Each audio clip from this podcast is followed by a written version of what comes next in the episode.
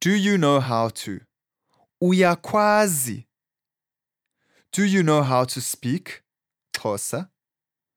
Uyakwazi ukuthetha isiXhosa, na? Yes, I do know how to. Ewe, ndiyakwazi.